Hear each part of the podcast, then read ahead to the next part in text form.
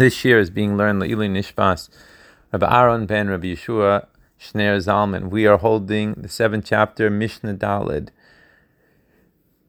The previous uh, Mishnah, we talked about the Kohen Gadol going down for the third time into the mikveh and putting on his golden garments.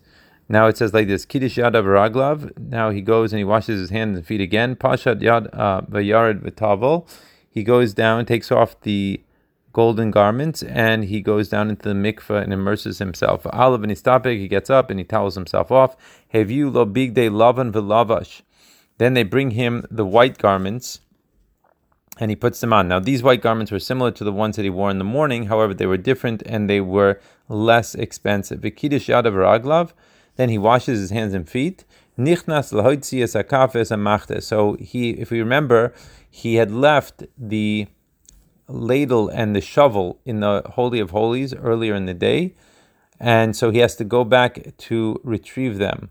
So he goes back and gets them. Kiddush Yadav Now we talk about the fifth and final uh, immersion. He washes his hands and feet. Pashad Yarad V'Tavel. Now he removes his white garments. He goes down to the mikveh and goes and immerses himself. Alav and Istapik, he gets up and towels himself off. He now they bring him the golden garments once again, and he puts them on. Again, Kiddush Adav Raglav, Kiddush Adav Raglav, excuse me, he sanctifies his hands and feet.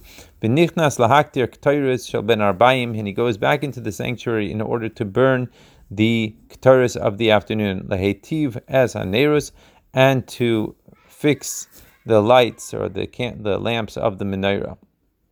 Once he finishes all of his services of the day, the Kohen Gadol changes back into his regular clothes. The Kiddush Yadav Raglav Pashat. So he removes, he washes his hands and feet, removes the golden garments, and he actually puts on his own clothes. oiso ad beiso, and the people escort him back to his house. And he makes a huge uh, feast, a party, celebration for all of his friends after Yom Kippur when it was clear that he successfully had finished off all of the avoda and he came out safely from the Kaidish HaKadashim. Mishnah Hey. Now we're going to talk about the garments the Kayhan and the Kayan Gadol would wear in the Beis HaMikdash. Kain Gadol Mishamish Bishmona Kalim. The Kain Gadol would serve in the Beis HaMikdash with eight different garments. Vehedyot Ba'arba, and the regular Kain would serve with four garments.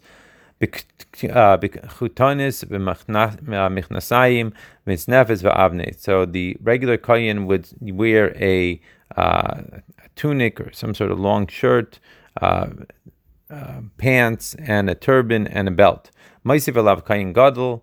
The kohen gadol added to this by wearing the chayshin v'be'ephod v'me'il v'tzitz. He would wear the um, which was the breastplate. The ephod would be an apron uh, me'il is a robe that he would wear, and the tzitz is the head plate that he wore on his forehead. Then it says be'elun nish'alim be'urim betumim.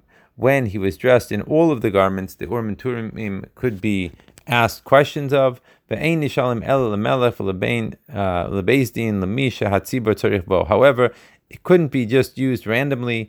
The only time that the Urim and Tumim could be Urim Betumim could be asked questions was either from a king or from the uh, court, or if someone needed some was needed by the public, such as, for example, the Kayin when he led the people into battle.